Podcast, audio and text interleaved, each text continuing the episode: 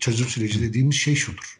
Kürt sorununun sivil, siyasi, demokratik yöntemlerle çözülmesi. Şiddetin müzakere ve diğer yöntemlerle sonlandırılması. Şiddetin temelinde yatan ana sorunun demokratik mekanizmalar içinde siyasi yöntemlerle çözülmesi. Kastettiğimiz budur. Çöken iktidarların hikayelerin tamamında Kürt sorununda şiddeti ve güvenlikçi politikaları yükseltmek yatıyor. Bizi Kısa Dalga Net ve podcast platformlarından dinleyebilirsiniz. Kısa Dalga'dan merhaba. Ee, bugünkü konuğumuz Mithat Sancar, HDP eş genel başkanı. Ee, kendisi benim okuldan hocam. Ee, o yüzden hocam diye hitap edeceğim. Hocam merhaba. Merhabalar Kemal.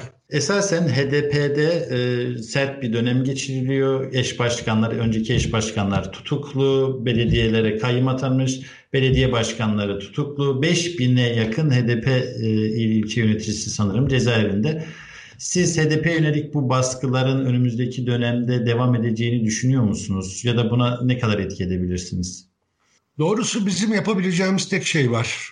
Ee, siyaseten güçlü örgütsel olarak da sağlam durmak. Ve bunu e, yapacak birikime, insan kaynağına sahibiz. Çok şükür.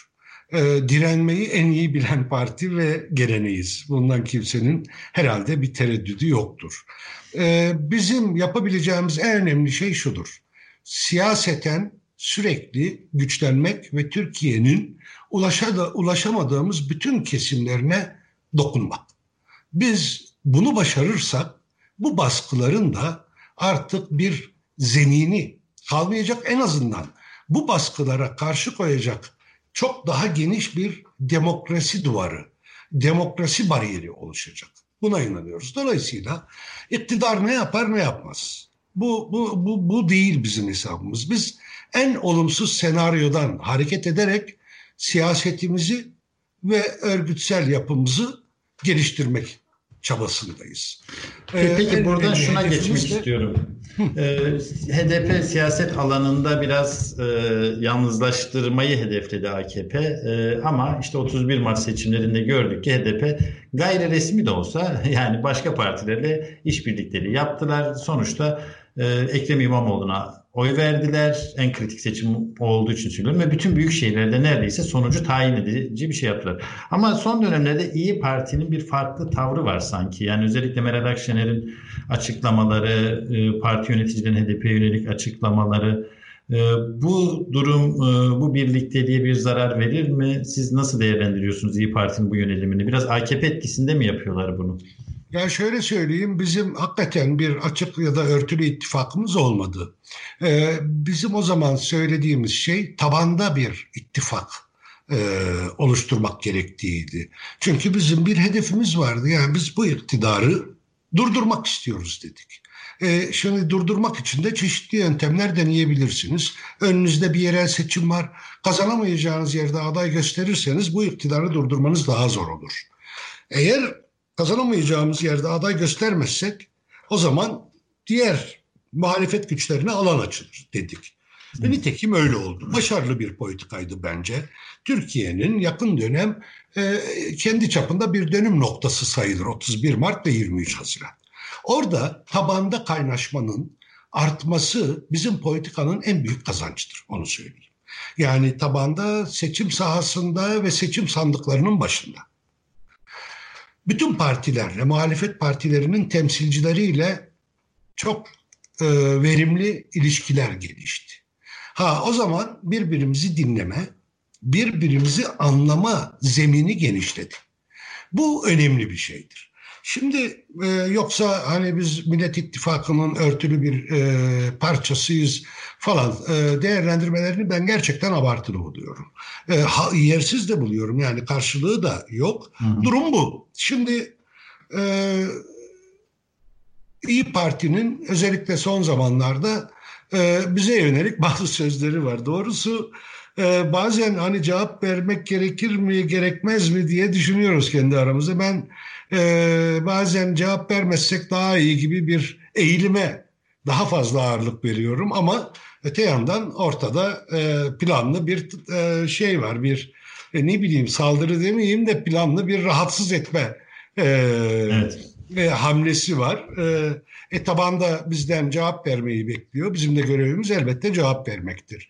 E, bu durumda tabanımızın da duygularını dikkate almaktır. Şimdi açık söyleyeyim. E, İyi Parti'nin ve Genel Başkanı'nın niyeti nedir bilmiyorum. Mesela sorularla kendileri belki düşünerek açarlar. E, niyetlerini daha açık ortaya koyarlar. Eğer e, sarayla bir ilişkiye girmek istiyorsa bunun için bizim üzerimizden manevra yapmasına gerek yok. Şimdi memleket, memleket masası diyor e, işte Meral Hanım e, ve memleket masasını sayarken bu ülkenin üçüncü büyük partisinin e, eş başkanları hariç diğer hepsini sayıyor. Diğer partilerin eş başkanlarını sayıyor. Ve birlik bir beraberlikten söz ederek memleket masası öneriyor. Şimdi tabii e, hani e, çok derin bir analize ihtiyaç yok. Siz 6 milyon oy almış, en az 6 milyon oyu olan ve e, mecliste ve Türkiye'de üçüncü büyük partiyi katmadan birlik beraberlik sağlayacaksınız. Öyle mi? Hayır, yok. Öyle birlik beraberlik değil derdiniz o zaman. Sizin derdiniz başka. Derdinizi açık söyleseniz diyoruz biz onlara. Mesela derdiniz memleket masası değil de sarayda oturabileceğiniz bir masaysa e bunun için muhalefeti alet etmenize gerek yok. Yani daha açık davranın. Hani deyin ki ya biz de sarayda kendimize bir masa istiyoruz. E, belki o masanın da oluşması için e, ne bileyim iktidarla ya da AKP ile ilişkiler e, farklı bir kanala akabilir. Siz başka emareler görüyor musunuz? Yani İyi Parti'nin işte bahsettiğiniz türde bir iktidarla ilişkilerinde farklılaşma niyeti. Yoksa yani e, bu... e, açık söyleyeyim ben hani e, o kadar da ayrıntılı e, kafa yormayı gerektiren bir mesele olarak görmüyorum İyi Parti'yi. İyi ve bu hamlelerini. Çünkü Hı. İyi Parti eğer gerçekten muhalefetteyse o zaman iktidardan farklı olduğu yanları ortaya koymak zorundadır. Mesela diyorlar ki efendim bu iktidar kutuplaştırıcı bir politika izliyor. Dışlayıcı, ayrıştırıcı bir üslubu var diyorlar bu iktidarın. Kendilerinin yaptığı şey aynısı. Bize karşı iktidarın yaptığı şeyin aynısını yapıyorlar. O zaman zihniyet olarak şunu söyleyeyim. Zihniyet olarak iktidarla çok yakın duruyor İyi Parti. Eğer fiilen de Orada HDP konusunda diyorsunuz bunu değil mi? Yani genel olarak değil de HDP'ye yaklaşım konusunda. HDP'ye yaklaşım ama zaten biliyorsunuz HDP'ye yaklaşım burada turnusoldur. Yani siz e, e, e, bu iktidar çok uzun zaman politikadır politikalarını bizi ötekileştirme ve düşmanlaştırma üzerine kurmadı mı? Kriminalize etme üzerine kurmadı mı? Diğer partilere de bizim üzerimizden yönelmedi mi?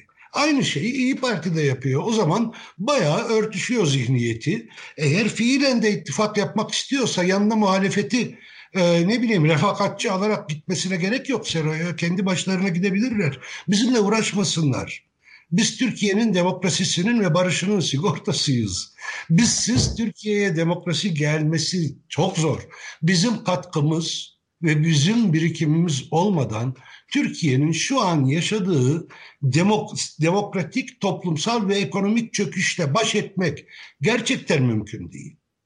O Peki nedenle hocam, buradan biraz Yok. güncel siyasete geçmek istiyorum da e, darbe söylentileri olduğunu ne diyelim aslında bu da çok karmaşık bir sorması da zor. Hükümet diyor ki muhalefet sözcüleri darbe ima ediyorlar. Ee, Özgür Özel ile başladı. Canan Kaftancıoğlu ile devam ediyor. Yani e, ve ağır bir e, ne diyelim saldırı var e, CHP'lilere yönelik bu konuda. E, sizce Türkiye'de bir darbe tehdidi var mı? Böyle bir şey görüyor musunuz? Açıkçası e, darbe e, ihtimaline işaret eden verileri ben göremiyorum. Fakat e, darbe tartışması ciddi bir tartışmadır. Eğer iktidarın elinde benim göremeyeceğim, bilemeyeceğim bazı veriler varsa bunları doğrudan muhalefetle paylaşmalı.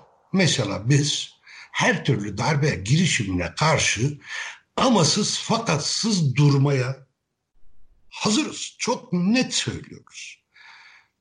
Bize şahsen yani parti olarak bize iletmek istemiyorsa iktidar meclisi toplasınlar. Mecliste bir oturum yapalım. İsterlerse gizli oturum yapalım. Kapalı oturum yapalım. Ve ellerindeki verileri, istihbaratı paylaşsınlar mecliste. Bu meclis 16 Temmuz 2016'da darbenin girişimin ertesi günü oy birliğiyle darbeye karşı çıkma bildirisi hazırlamış meclistir. Partiler aynı partiler büyük ölçüde. Biz de oradaydık, CHP de oradaydı, MHP de oradaydı. Gelsinler, bu meclisi bilgilendirsinler. Hep birlikte o zaman ciddi bir tehdit olduğuna kanaat getirirsek hep birlikte bunun karşısında durur. Peki. Aksi takdirde yapılan her şey ben tekrar söylüyorum hayaletler salmaktır, gölge boksudur, suyu bulandırmaktır. Bunun iktidar dahil hiç kimseye faydası yoktur. Darbe polemiği ve spekülasyonu üzerinde herhangi bir siyasi kazanç elde etme hesabı da etik değildir. Siyaseten de tehlikelidir.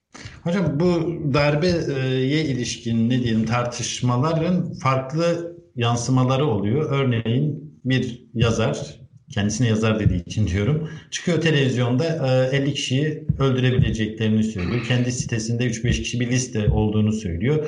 Maddi ve manevi hazırlığımız var derken de silahlandıklarını söylüyor ve e, bu dil, e, bu sertlik dili e, tabana da daha da e, ağır biçimde işliyor ve toplumsal barış e, biraz zedeleniyor. Sizin gözleminiz ne bu konuda? Böyle bir endişeniz var mı? Çünkü hakikaten Türkiye bir süredir bu tür bir iç çatışma endişelerinin dile getirildiği bir ülke haline geldi.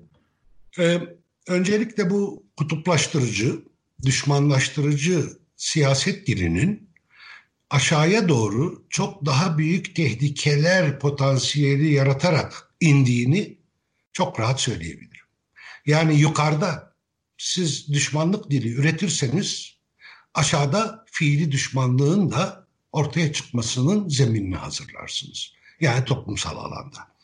Şimdi e, tabii ki televizyon programındaki o e, hani e, sözler, o diyalog falan e, ne kadar e, kötü bir noktada olduğumuzu gösteriyor. Yani e, hiçbir kaygı duymadan başına herhangi bir şey geleceği ihtimalini düşünmeden 50 kişiyi öldürebilecek hazırlı olduğunu söyleyebiliyor. Demek ki burada hukuk da, burada yargı da, burada etik de bayağı bir devre dışı bırakılmış.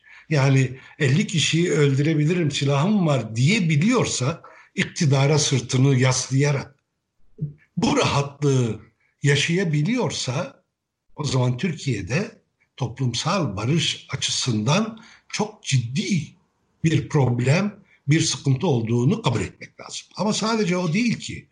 Ben daha vahim örnekler olarak İbrahim Evet ona gelecektim.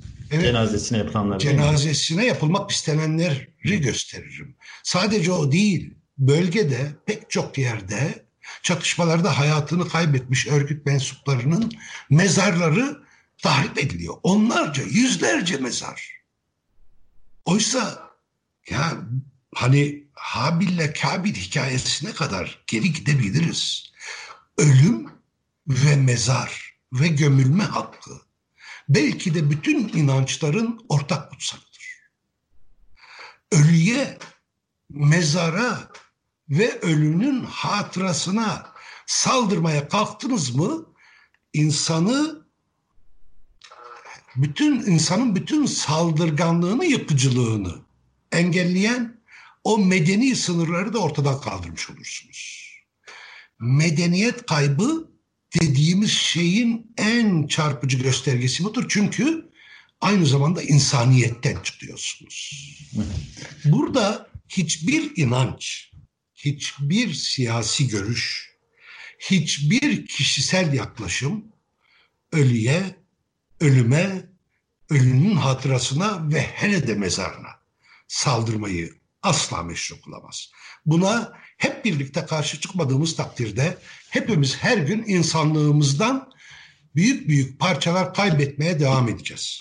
Bu arada enteresan da bir şey oldu. MHP orada e, cenazeyi gömdürmemekle tehdit eden Ülke Ocakları Başkanı'nı görevden aldı ve Ülke Ocakları'nı kapattı Kayseri'de. Ama dün akşam e, görüntüleri izlediniz mi bilmiyorum. E, sıradan vatandaş diyebileceğimiz gerçekten. Çünkü çocuklar var ve e, orada onlarla yapılmış e, röportajlardan anlıyoruz ki hakikaten e, sıradan vatandaş ve polis nasıl olsa bir gün çekilecek buradan ve biz o mezarı çıkarıp e, o naaşı çıkarıp yakacağız diyorlar. Bu da sizin söylediklerinizi bir anlamda teyit ediyor. Çünkü çok fazla bir şiddet tabanına erişmiş durumda. Sadece o değil, cezasızlık inancı. Yani ben iktidarın politikalarına uygun suç işlersem bir şey olmaz. bana bir şey olmaz inancı yerleşiyor. Bakın ee, değerli izleyicilerimiz, dinleyicilerimiz e, çok e, benzer acı bir olayı hatırlarlar mı bilmiyorum. Aysel Tuğluk kardeşimizin annesinin naaşı mezardan çıkarıldı. Peki o çıkaranlara ne oldu? Hiç değil mi? Yani bilmiyoruz. Cezasız kaldılar. Evet. Şimdi bir iktidarın düşmanlaştırıcı dili. iki cezasızlık inancı, ceza bu bu bu, bu politikalara uy, e, uyan çerçevede suç işleyenlerin cezasız kalacaklarına dair inanç bütün bunların önünü açıyor. Kulağınız bizde, kısa dalgada olsun. Haber podcastle buluştu. Kısa Dalga Podcast. Hocam buradan şeye geçmek istiyorum. Ee, şimdi Kürt siyasetinde siz e, daha önce de belirttik e, ama e, hakikat komisyonları olsun, çatışma çözümleri süreçleri olsun akademik ve siyasi olarak ürünler verdiniz. Çözüm sürecinde de rol aldınız. Türkiye'de bir çözüm süreci yakın zamanda pek mümkün görünmüyor. Ama siz de bu görüşe katılır mısınız? Hangi koşullarda böyle bir çözüm süreci ya da barış süreci başlayabilir?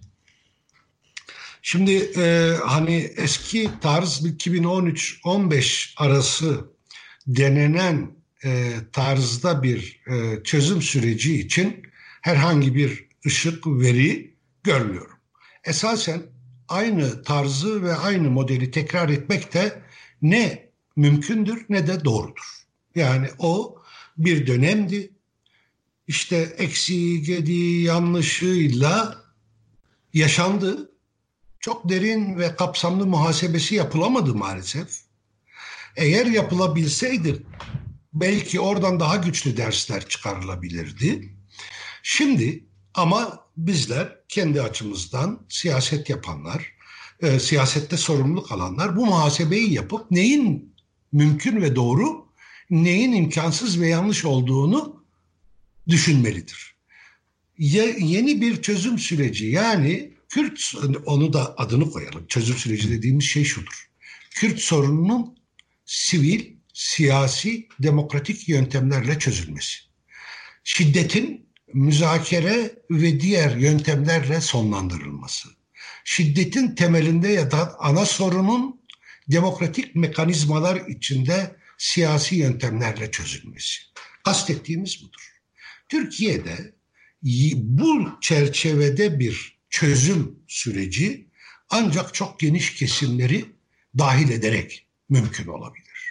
Mevcut yani, iktidar kompozisyonu sürdükçe yani AKP MHP ortaklığı sürdükçe bu pek mümkün görünmüyor ama değil mi? Öyle yani şu anki politikalara baktığınızda e, bunun mümkün olmadığını rahatlıkla söyleyebilirsiniz. Fakat e, Türkiye'de Kürt sorununu bu şekilde yönetmeye devam etmenin de sınırlarına gelindi. Yani şunu söyleyeyim. Hiçbir iktidar Kürt sorununda bu politikalarla bu kadar uzun süre ayakta kalmayı başaramamıştır. Geriye dönüp bakarsak 1980'lerden bu yana çöken iktidarların tamamında onların çöken iktidarların hikayelerin tamamında Kürt sorununda şiddeti ve güvenlikçi politikaları yükseltmek yatıyor. Hepsi Tur Turgut Özal'dan Mesut Yılmaz'a, Çiller'e, Süleyman Demirel'e kadar hepsi bir ara çözüm, demokratik siyasi çözüm e, sözleri sarf ettiler. İşte Özal Federasyon tartışılabilir dedi. E, Demirel Kürt realitesini tanıyoruz dedi. Çiller Bask modeli tartışılmalıdır dedi. Evet. Mesut Yılmaz AB'ye giden yol Diyarbakır'dan geçer dedi. Fakat bu noktadan ayrılıp öbür uca yani güvenlikçi ve e, şiddete dayalı çözüme kaydıkları oranda eridiler. Bu iktidarı da eriten şu an eriyorsa eriten en temel faktör güvenlikçi şiddet şiddete dayalı politikadır. Kürt sorununun çözümsüzlüğü politikasıdır. Kürt Ama beri yandan biraz da güç almıyor mu? Yani milli özellikle MHP'nin desteğini alıyor ve milliyetçi oyları da toplamıyor mu bir yandan? Yani evet bir oy kaybı olabilir ama beri yandan da yeni koalisyonlar yapıyor. İşte e, geçmişin e, ne diyelim derin devletle adı e, bir arada anılan kesimleriyle çok ciddi bir koalisyon olduğu çok açık görünüyor. MHP gibi bir parti de yanına alıyor. Yani bir yandan da bir getirisi olmuş görünüyor. E, oldu ama e, bir sınır bir sınır var dedim ve o sınıra da gelindi. Bu sınıra gelindiğinin en açık işareti 31 Mart seçimleriydi. 23 Haziran seçimleriydi. Ve şu an genel kamuoyu anketleri, yoklaması anketlerine baktığınızda bu düşüş sürüyor. Birkaç yıl öncesiyle kıyasladığımızda AKP MHP'nin oylarının toplamı yüzde 60'ı aşıyordu. 64 falan. Evet. Yani 1 Kasım'dan sonra öyle sanıyorum. Yani yaklaşık bir rakam. 62 63 62 63 civarı bir rakam. Şimdi %50'nin altı deniyor. E zaten 31 Mart ve 23 e, Haziran'a bakarsanız tablo çok açık.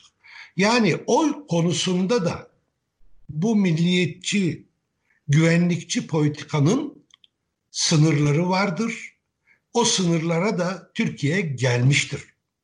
O nedenle hangi aktör bu politikada ve bu anlayışta ısrar ederse öncelikle kendisi kaybedecektir. Ama Türkiye'de kaybetmeye devam ediyor. Biz yeniden barış, yeniden demokrasi, özgürlük bütün bunları kapsayan bir demokrasi ittifakı oluşturalım. Tabanda ve kurumlar arasında.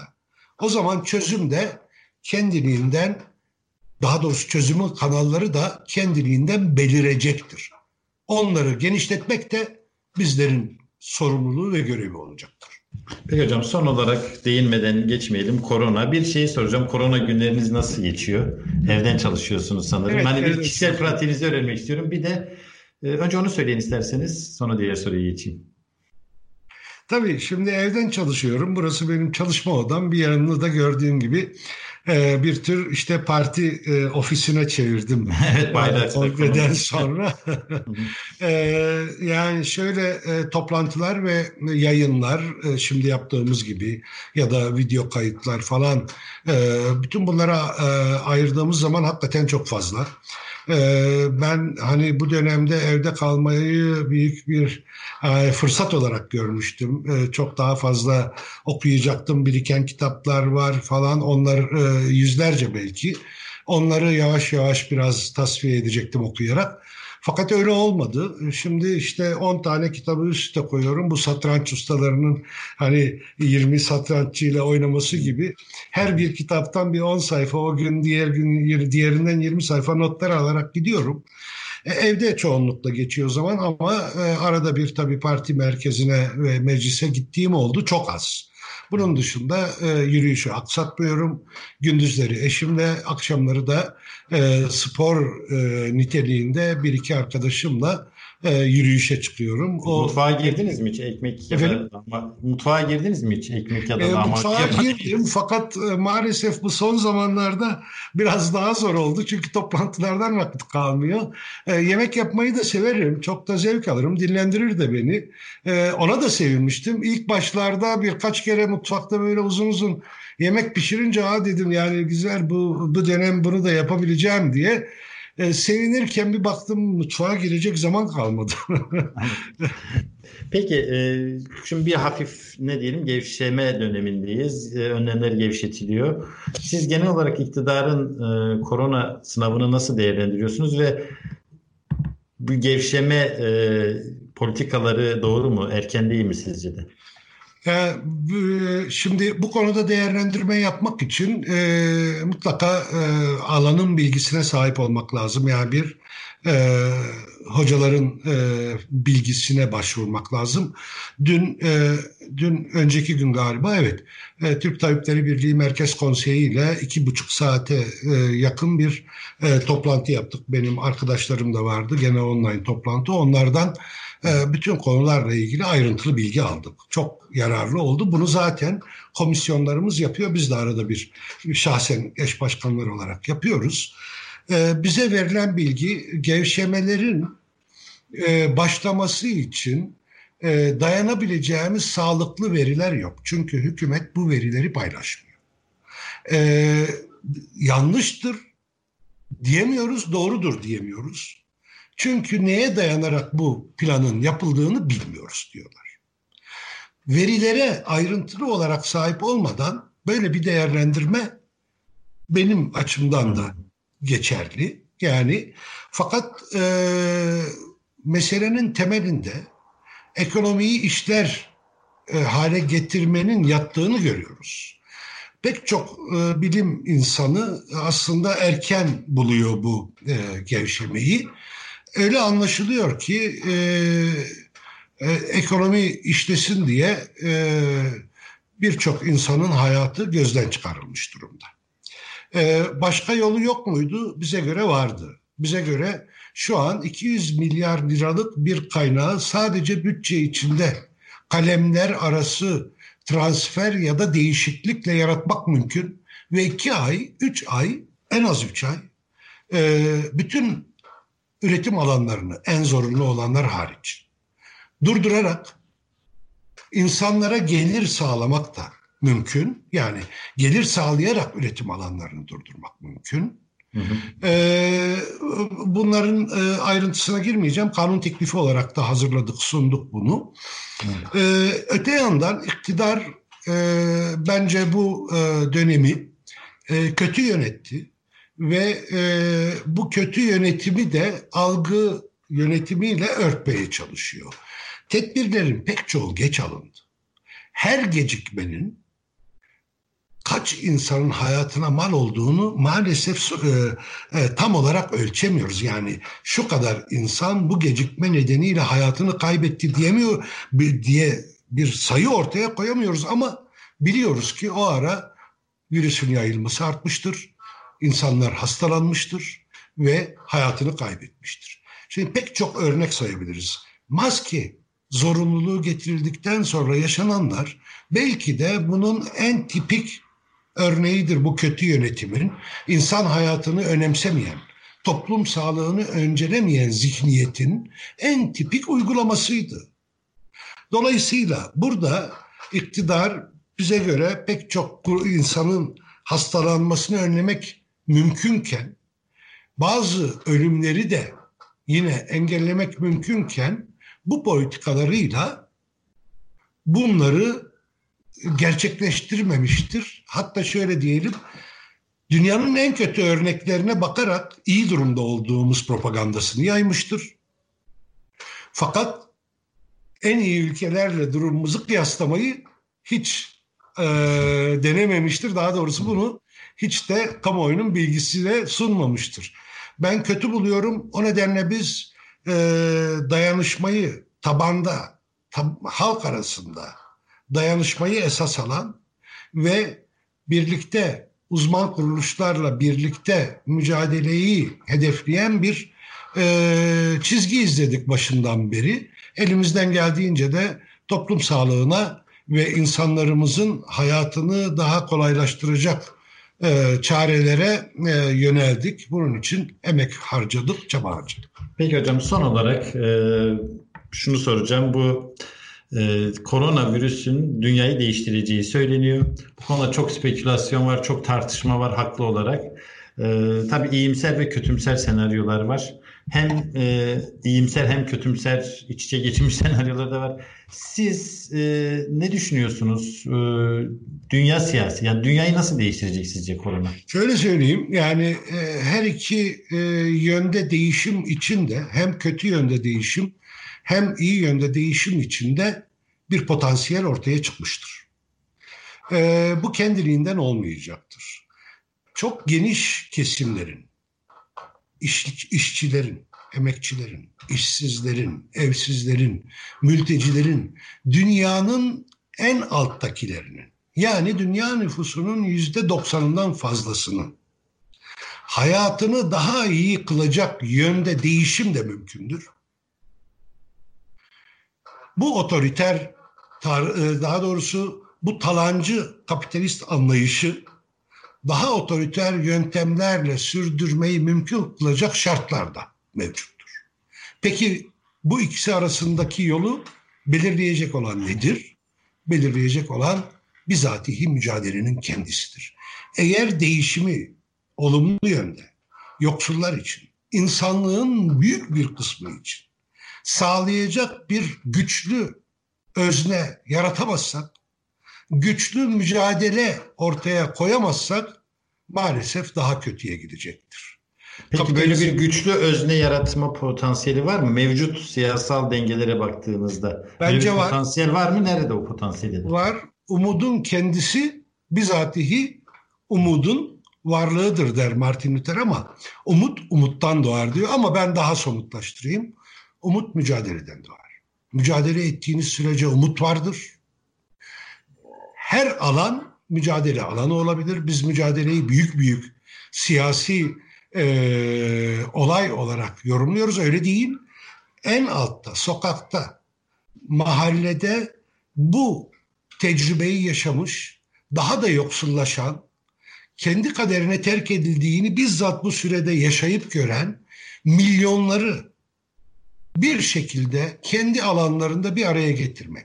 Onların söz ve itiraz yollarını birlikte açmak mümkündür. Bunların birleşmesinden ortaya çıkacak sesin bugünden yarına çok güçlü duyulmasa da öbür güne mutlaka duyulmaya başlayacağına inanırım ben. O nedenle yapılması gereken şey bu seslerin daha çok çıkmasını sağlamak, bu düzenin aslında sadece çok küçük bir azınlığa yaradığını, bunun dışında dünyanın bütün nimetlerinin dünyanın en büyük kalabalığından esirgendiğini görmek ve göstermek gerekiyor. Adalet için, eşitlik için, özgürlük için şartlar müsait, görev bize düşüyor. Peki hocam, çok teşekkür ederim. Çok sağ olun. Haber podcastle buluştu. Kısa Dalga yayında. Bizi Kısa Dalga Net ve podcast platformlarından dinleyebilirsiniz.